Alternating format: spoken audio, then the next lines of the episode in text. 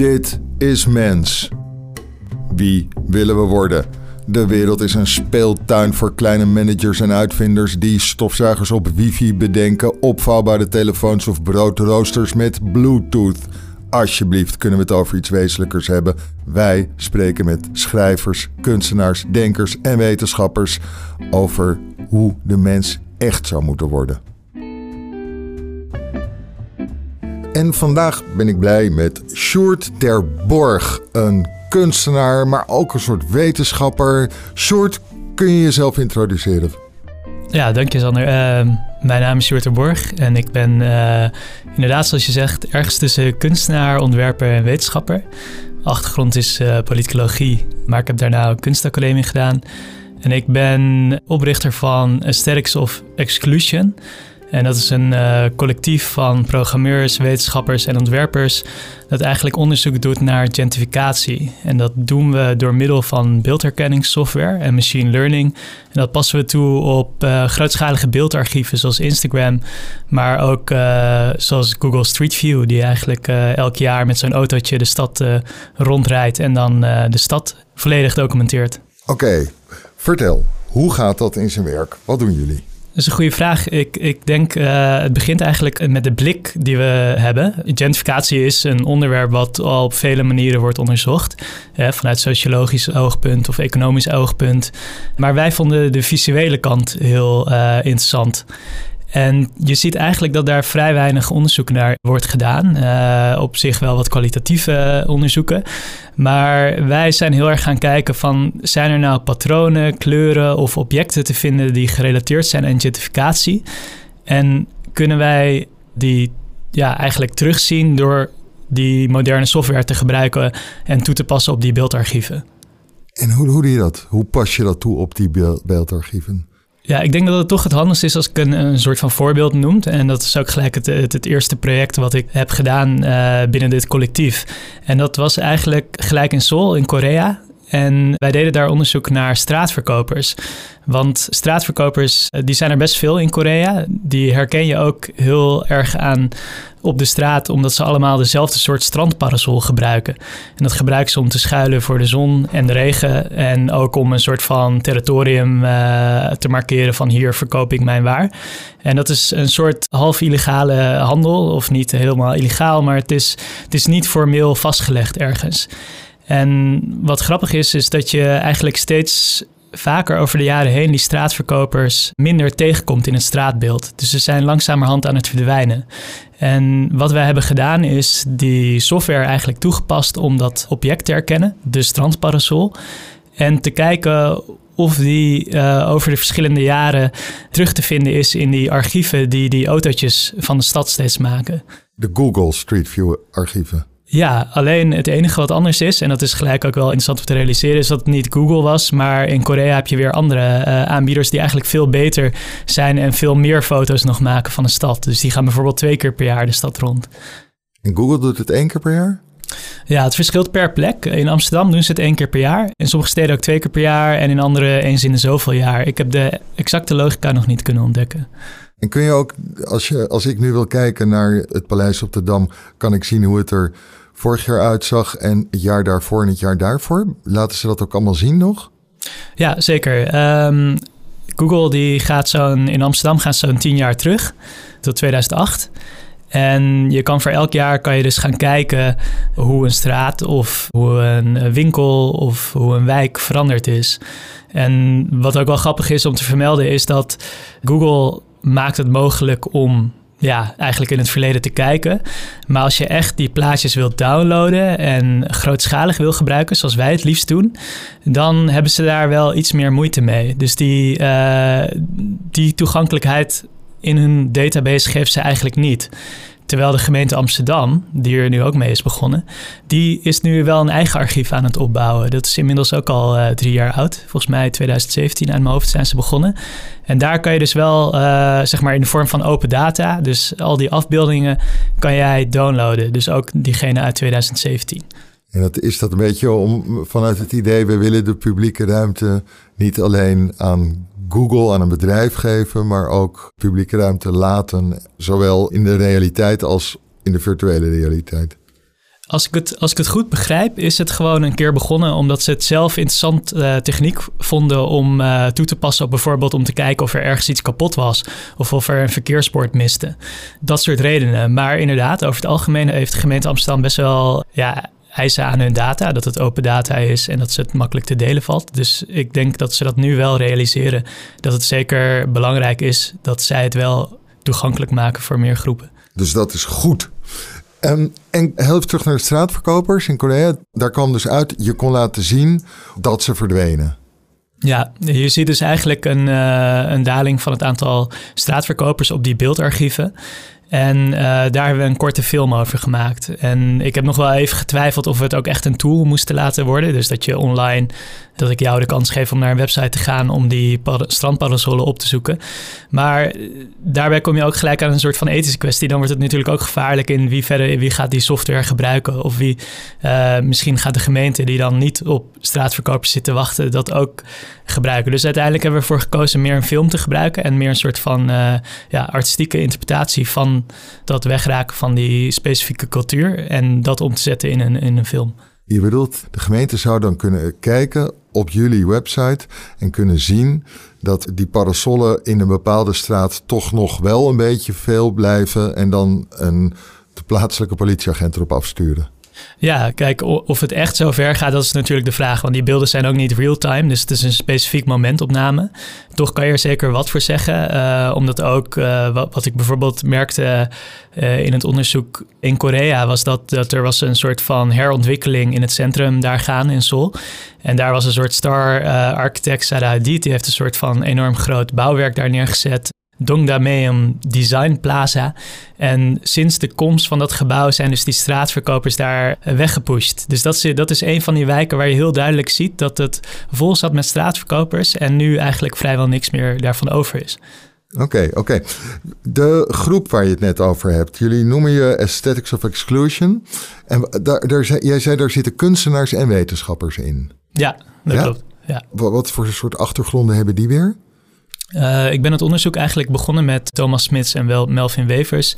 En Thomas Smits is een uh, historicus die onderzoek ook doet in uh, tijdschriftarchieven. En hij werkt eigenlijk ook met die software. Gaat hij gaat nieuwsbladen en beeldende tijdschriften gaat hij, onderzoeken. Maar op basis van beeld. dus zoeken met beeld of groeperen op beeld. En Melvin Wevers is ook cultuurwetenschapper eigenlijk... die ook samenwerkt met Thomas op dit soort thema's. En de kunstenaars? De kunstenaars zijn ook uh, is best wel een bonte verzameling, want het verschilt per project wie erbij betrokken is. Maar we hebben een aantal vaste mensen. En bijvoorbeeld Vera van de Sijps is heel erg uh, een ontwerper die heel veel experimenteert met de beeldende kwaliteiten van machine learning en uh, beeldherkenningssoftware. Ja. Ik vind het echt geweldig dat je met kunstenaars en wetenschappers zo samenwerkt. Wat, wat, wat, wat, wat is nou het voornaamste wat die combinatie voor jou zo goed maakt? Ik denk er is een soort van gedeelde interesse in de thema's. En soms is het even zoeken naar een soort van gemeenschappelijke taal. Of een, een, taal waarin iedereen snapt wat belangrijk is. Maar het, wat, wat ik heel erg merk is dat bijvoorbeeld de wetenschappers ook daar heel erg voor openstaan in deze tijd. Want vaak wordt er natuurlijk vanuit een soort hypothese of een bepaald onderzoeksvoorstel gewerkt. En er is best wel veel van tevoren staat vast. Terwijl in een artistiek proces eh, laat je eigenlijk veel meer de teugels vieren. En probeer je wat minder uh, van tevoren uh, te bepalen waar je precies heen gaat en welke kant je op gaat. Maar eigenlijk veel meer te laten leiden door wat je in het proces tegenkomt. Ik merk dat die combinatie heel interessant is, omdat de wetenschappers kunnen weer heel goed analyseren en reflecteren wat we eigenlijk aan het doen zijn en waarom dat belangrijk zijn en welke problemen er misschien aan vastzitten. En de, de, kunstenaars en ontwerpers die zijn veel meer, ja, die, die gaan gewoon iets raars proberen waarvan tevoren misschien niet de relevantie van tevoren vaststaat. En het is moeilijk om te definiëren dus waar ze zich door laten leiden, waar ze zich door, waarom ze zoeken. Een soort eigen kunstenaarsintuïtie zal dat zijn. Ja, het is denk ik ook weer niet zo'n intuïtie die helemaal uit de lucht kan vallen van die zit er en je hoeft er niks voor te doen. En uh, onder de douche komen dan alle ideeën. Het is wel denk ik dat je heel erg moet verdiepen in een onderwerp en dat je eigenlijk heel erg bewust moet zijn van de, van de context van het onderwerp. En ook echt op verschillende uh, schaalniveaus. Dus echt het kleine visuele, grotere vraagstukken eromheen. Een parasol, een stad, gentrificatie, regelgeving. En uh, experimenteren met software. Maar soms, soms heeft het de visuele interesse die de startpunt kan zijn. Dat kan Zo klinkt het alsof het, het gewoon hetzelfde is als wetenschappelijk onderzoek. Alleen verschilt omdat er niet uh, de eis van een soort nutseis die een wetenschappelijk onderzoek heeft bij zit. Ja, op een, op, op een bepaalde manier zou je dat zo kunnen uh, stellen. Ik denk ook dat het gewoon heel interessant is dat je eh, wat meer dingen probeert en wat meer experimenteert. En wat eh, ontwerpers en, en kunstenaars eigenlijk gemeen hebben, is dat ze allemaal hun eigen proces eigenlijk ontwikkelen. Dus vaak leer je aan de, aan de kunstacademie, wat is mijn werkwijze? In plaats van, is er een vaste werkwijze die ik uh, mezelf kan aanleren? Ja. Botanica variegata, dat ja. is ook een van jouw projecten. Wat is dat? Ja, misschien goed om even te vertellen hoe dat project tot stand kwam. Want uh, ja, ik ben dus geïnteresseerd in gentrificatie. En ik had ook steeds meer het idee dat uh, planten heel belangrijk waren in, in, in gentrificatieprocessen. En uh, dat ging bijvoorbeeld door het interieur, wat, wat moderne cafés gebruiken en de rol die planten daarin innemen. Geen geraniums meer. Geraniums is nog oud en de, die juppen die komen met hele rare gekke plantjes. Ja, precies. En dat is bijvoorbeeld de Monstera variegata. Dat is, dat is wel een grappig verhaal. Dat is een soort van uh, monstera. Ik weet niet of je het kent. Die, die planten nee. met zo'n groot groen blad. Zijn vrij algemeen hoor. Maar er is ook een soort specifieke versie. En die doet het heel goed op Instagram. En dat is uh, een versie waar de helft van het blad uh, wit is. En dat witte betekent eigenlijk dat het helemaal niet goed gaat met die plant. Dus die gaat een beetje dood. Maar dat heeft een heel fotogeniek uiterlijk. Waardoor heel veel mensen die plant op Instagram willen hebben. En die plant wordt nu eigenlijk speciaal gekweekt voor mensen die dat mooi vinden voor op Instagram. En bijvoorbeeld ook in cafés of bars gebruiken.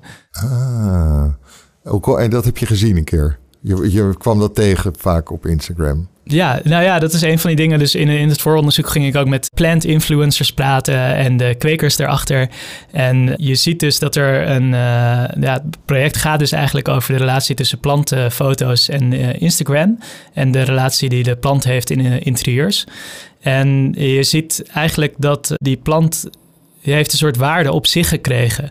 Dus op Instagram heb je niet alleen uh, een foto van een plant, maar de foto van de plant zelf is, heeft een bepaalde waarde in zich, waar, waar men zich mee wil associëren. En als je nou kijkt, wat is Botanica variegata? In dit onderzoek hebben we eigenlijk tienduizenden plantfoto's van Instagram gescraped. Dus van Instagram uh, gehaald. En wij hebben die plant eigenlijk losgesneden van de rest van de foto. En dan hebben we gekeken, wat houden we nou over als we die plant weghalen? En wat je dan ziet is dat er een soort van enorme trend aan gang is waarbij mensen op een specifieke manier hun interieur inrichten met die planten. En uh, we hebben ook gekeken met wat voor soort mensen zit er omheen. Hoe gaan ze met die planten op de foto's? Je had bijvoorbeeld bij die uh, speciale Monstera variant... Uh, hielden ze altijd dat blad echt met hun vingers vast... om even te laten zien hoe speciaal dat blad van die plant wel niet was. Maar ook bijvoorbeeld dat ja, sommige planten zijn weer populairder bij, bij meisjes... Anders, andere weer bij andere groepen mensen. En we hebben eigenlijk een soort installatie gemaakt... waarin je al die planten terugziet maar ook vooral de, de omgeving om de plant heen. Ik begrijp het. Dat onderzoek, dat kan je niet verkopen of om in, bij iemand aan de muur hangen. Dat is natuurlijk een beetje jammer als kunstenaar. Nou, het is, het is inderdaad hoe we het presenteerden, was echt een soort van uh, media-installatie. Uh, in een soort van uh, heel mooi verlichte ruimte met een soort bepaalde vormen. Nou ja, dat is een heel lang verhaal. Maar het was een soort wel van ja, museale installatie, zoals ja. dat dan heet. Maar het is wel grappig. Ja, ik kreeg ook bezoek. Dat was op de Milaan Design Week, waarin dat voor het eerst gepresenteerd werd. Maar daar kwam bijvoorbeeld ook iemand van een reclamebureau. Die zei, ja, je kan hier grof geld mee verdienen. Als jij zo goed die lifestyle choices weet analyseren van verschillende doelgroepen, dan heeft dat heel veel uh, marktwaarde. Ja, zelf ben ik daar iets minder geïnteresseerd in, denk ik. Maar oh, ik bedoel het vooral, de, de, het is zo grappig dat dat soort. Het is grappig. dit soort kunst is zo moeilijk uh, te, te maken, omdat het niet uh, er een mooie verzamelaar bestaat. Nee, dat, dat zou je ook kunnen zeggen. Um, er zijn inderdaad wel steeds meer verzamelaars die ook mediakunst of nieuwe mediakunst of hoe het ook heet. Ik, ik weet zelf niet welk woord ik moet gebruiken. Die dat ook verzamelen en dus echt installaties uh, kopen. Maar het is inderdaad wat minder. Uh, ja, het is niet een schilderij ja. wat je thuis ophangt. Dus je moet met fondsen, uh, steeds bij fondsen aankloppen. Ja, dat gaat in mijn geval uh, vaak, ja. Oké. Er was ook iets, de, de, op je website vond ik de drie wijzen van Os. Wat, wat was dat voor project? Ja, de drie wijzen van Oost. Um, Oost. Oost. Oost. De drie wijzen van Oost. Ja, de drie wijzen van Oost. Nou ja, je kent het Bijbels verhaal, maar het zijn ook drie ondernemers in Amsterdam. En die hebben verschillende kroegen hier opgezet. En uh, je kunt denken voor de mensen die, voor de luisteraars die in Amsterdam wonen, is bijvoorbeeld de Biertuin, Basquiat, Bukowski. Dat soort kroegen hebben zij opgezet. En dat zijn eigenlijk uh, kroegen die heel succesvol zijn onder een jonge creatieve doelgroep. Eigenlijk mensen zoals ik. En die daar graag hun uh, speciaal biertje komen drinken. En wat ik heb gedaan voor dat project is dat ik hun uh, Instagram afbeeldingen van die verschillende kroegen heb, ja, ook weer van Instagram heb afgehaald. En er eigenlijk uh, eh, 3D ruimtes van heb gemaakt. Dus we hebben software gebruikt om eigenlijk een soort 3D replica's te maken van hun interieurs en uh, barren. Ah, en waar kom je dan op uit? Nou, je komt op een soort van half gelikte, half mislukte 3D-ruimtes. Eh, dus een beetje ja, vreemd ogende objecten die een soort eh, raar in elkaar lijken vast te zitten. Die eigenlijk een soort van ja, mislukte foto's zijn, omdat die software die is ook niet zo goed. Dus die probeert een reconstructie te maken van hoe die ruimte eruit ziet. En al het saaie is weg. Alleen, het neem ik aan, ik neem dat op die foto's vooral de spectaculaire dingen te zien zijn. Ja, precies. Uh, nou, wat, wat er gebeurt is dat dus van de meest gefotografeerde dingen, die zijn het best zichtbaar. En daar gaat het, project ook heel erg om. Uh, want het is gepresenteerd in een soort film waarin je experts horen reflecteren over de relatie tussen Instagram, gentrificatie en uh, horeca hier in Amsterdam. En het gaat er dus ook heel erg omdat die barren tegenwoordig heel erg zijn ontworpen om aan een bepaald Instagram-standaard te voldoen. Dus er is een soort bepaalde esthetische codes, een soort patronen die populair zijn, of bijvoorbeeld een, een slogan, een zin uh, die opgelicht is in neonlicht, uh, die veel mensen dan gaan fotograferen, die dan ook heel goed te zien is op Instagram. Ik kan me wel voorstellen dat er op een beurs iemand naar jou toe komt die zegt van jij, jij bent een geweldige marktonderzoeker kan jij zijn en je kan gewoon je, je kan een soort Liedewijde edelkort worden. Jij kan zien wat er wat de echte trend is die anderen nog niet zien. Die analyseer jij al. Ja, ja toevallig de, die Liedewij Edelkort kwam ook langs bij de planten, bij het plantenproject. Maar um, Hoe dan? Nou, zij, zij kwam ook inderdaad even een praatje maken over, uh, over haar project over de planten. En, uh, uh, want zij, zij zag inderdaad ook die trend over, over planten en dat het steeds belangrijker werd in, in het interieur. En daarbij verbindt zij weer allerlei specifieke filosofieën aan. Nou ja, goed. Ja, het, het, het, het heeft een soort waarde in zich. En ik ben me denk ik wel bewust van die waarde. Het is ook een beetje een gevaar. Want als jij werk maakt over identificatie, als jij werk maakt over wat populair is op Instagram, dan heeft dat natuurlijk ook, ja, verschillende mensen kunnen dat tot zich nemen en ook gebruiken of de ideeën gebruiken om ook op hun eigen manier daar voordeel aan te behalen. Tegelijkertijd vind ik het wel heel interessant en belangrijk om te doen, omdat het vaak iets is wat over het hoofd wordt gezien. Uh, om, omdat ja, andere mensen die wat minder vaak over dat soort esthetiek en de rol van esthetiek uh, praten in dat soort processen. Ja, en de kern waar je nu mee bezig bent, is toch wel echt dat gentrificatie uh, en hoe dat uitsluiting veroorzaakt van de mensen die er eerst woonden. Ik geloof dat je nu ook iets had staan dat heet Street Swipe. Wat is dat?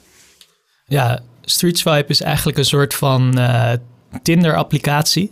En in plaats van uh, iemand uitkiezen die je date, krijg je eigenlijk een, een foto, die ik ook weer uit Google Street View heb gehaald, van de voorkant van een pand. En dan laat ik gebruikers beoordelen of zij een pand als gegentrificeerd beschouwen.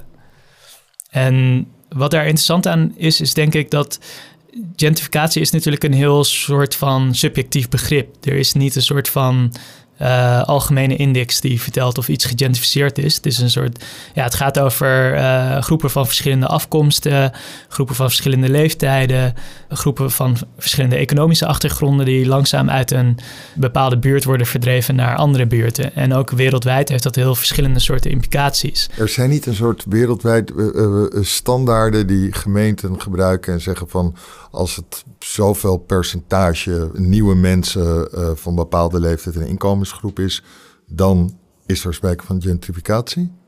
Ja, ik denk dat er wel veel gemeentes zijn en ook veel onderzoekers die dus een bepaalde definitie van gentrificatie hanteren en toepassen op hun eigen stad of onderzoek. Maar volgens mij is er niet een, een heel erg standaard internationaal uh, kenmerk van gentrificatie over dat percentages of zo gebruikt. En uh, in, in het eigen onderzoek, dus binnen StreetSwipe, vind ik het eigenlijk heel interessant om dat aan de gebruiker voor te leggen. Dus welke, welk plaatje kenmerk jij als gegentrificeerd? En uh, wie jij is, is dan ook nog een grote vraag.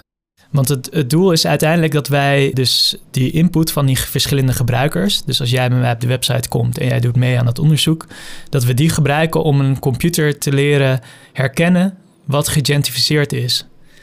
En dat is een uitdaging, want we zijn aan het begin van het onderzoek. We weten niet of dat gaat lukken. Maar ik weet nu al dat het tot nieuwe interessante inzichten gaat leiden. Maar het is ook weer uh, gelijk iets wat een beetje dubieus is. Kan je iets wat een, een cultureel fenomeen als gentrificatie, kan je dat eigenlijk zo goed onderzoeken dat je het een computer uh, laat beoordelen of dat aan de hand is in een wijk of in een straatbeeld. En het onderzoek is ook geïnspireerd op een, uh, een, een, onderzoek van MIT. En daar hebben zij een vergelijkbaar onderzoek gedaan waarbij zij uh, gebruikers ook een uh, plaatje van Google Street View lieten zien. Zij vroegen aan die gebruikers of zij dit beeld als veilig zouden ervaren. En uiteindelijk heeft dus die, gaat het systeem automatisch een veiligheidsindex geven aan een plaatje op Google Street View. En wat hier natuurlijk heel uh, lastig aan is en dubieus, het is een heel interessant onderzoek, maar wat ik, er, wat ik er zelf lastig aan vind, is dat je niet weet wie die gebruiker is die, dat computersysteem heeft geleerd veiligheid te herkennen. Want wat jij veilig vindt, is voor mij misschien onveilig. En wat iemand uit een bepaalde wijk als onveilig beschouwt, is voor de andere wijkbewoner misschien juist wel heel veilig. Ja, ik begrijp het. Ik begrijp het. En dan heb je ook nog eens wat er kan gebeuren met de informatie of niet dat een verzekeraar daardoor denkt van... ah, mensen die op die straathoek wonen, die moeten meer betalen... want die zullen eerder een uh, diefstal hebben of zoiets. Ik begrijp het. De, de, het, het street swipe onderzoek dan. Zijn er al genoeg mensen die uh, dat hebben gedaan om iets te zeggen? Ja, we hebben inmiddels wel een paar honderd mensen meegedaan al. Uh, van een soort eerste beta-versie die we op de museumnacht in, in samenwerking met De Waag hadden gelanceerd. En een echte conclusie, zo hard durf ik het niet te zeggen. Maar wat je daar wel ziet, is dat uh, zeker bepaalde straten in Amsterdam als veel, uh, veel meer gegentrificeerd worden beschouwd. En ook over tijd uh, veel meer gegentrificeerd worden beschouwd. Dus bijvoorbeeld het Javastraat in Amsterdam-Oost is een voorbeeld waarbij de gebruikers eigenlijk in toenemende mate aangeven dat het is meer gegentrificeerd geraakt. En heb je al een idee over wat de redenen zijn waarom mensen dat doen. Dus wat uiteindelijk straks dat algoritme gaat herkennen als tekenen van gentrificatie. Ja, dat is heel interessant, want uh, ik begon natuurlijk ook met een soort van beeld. Het is allemaal visueel. Maar taal is ook best wel belangrijk, denk ik. En de, de lokale kennis die men heeft. Want is, uh, weet je, een Albert Heijn is misschien voor mij is dat heel duidelijk wat het is. Maar dat is misschien voor iemand uh, die uit een ander land komt, is het gewoon een blauwe winkelgevel. Ik denk dat dat een van de functies die ook in Street Swipe zit, is dat je een melding krijgt als de rest van het publiek heeft aangegeven uh, een, een, andere keuze heeft gemaakt. Als 80% van het publiek een andere keuze heeft gemaakt, dan krijg jij een melding dat jij eigenlijk het buitenbeentje bent. Ik noem het een mismatch. En dan moet je zelf aangeven waarom jij toch hebt gekozen dat je dit pand als gegentrificeerd of als niet gegentrificeerd beschouwt. En uh, door eigenlijk die antwoorden een beetje te analyseren, krijg je wel een indruk waarom mensen uh, eigenlijk verschillen van, van de rest. Maar je hebt dus niet iets als dat je Uh, wanneer mensen lamellen voor de ramen hebben, dan, dan, gebeur, dan is er gentrificatie aan de hand. Nou, ik, ik zie wel een duidelijke lijn in de, de data die we tot nu toe hebben. Dus wat, uh, ik had vanochtend ook nog een beetje uh, met, met een van de coders in het project over. Van dat je de felle kleuren, heel felle kleuren met grote schreeuwende, ja, dat klinkt gelijk ook negatief, maar schreeuwende gevels, dat die, die zijn vaker als, worden als niet gegentrificeerd beschouwd. Oké. En dat is ook wel uh, iets wat ik over in verschillende landen terugzie. Maar aan de andere kant is de, de, de, set, de dataset is nu, was voor de beta-versie iets te klein om nog echt met harde conclusies te komen, zou ik zeggen. Ontmoet je veel meer kunstenaars zoals jij? En dan bedoel ik even kunstenaars die niet uh, werk maken dat ergens aan de muur kan hangen of op een plein kan staan of op een andere manier makkelijk verkocht kan worden, maar dat meer zoals dit een soort andere vorm van onderzoek is? Uh, ja, ik denk dat dat wel iets ook is wat, wat groeit en waar steeds meer ruimte voor is. En je ziet dus dat er eigenlijk een, een uh, ja, ook toenemende kansen zijn om wetenschappers en kunstenaars met elkaar te verbinden en ontwerpers.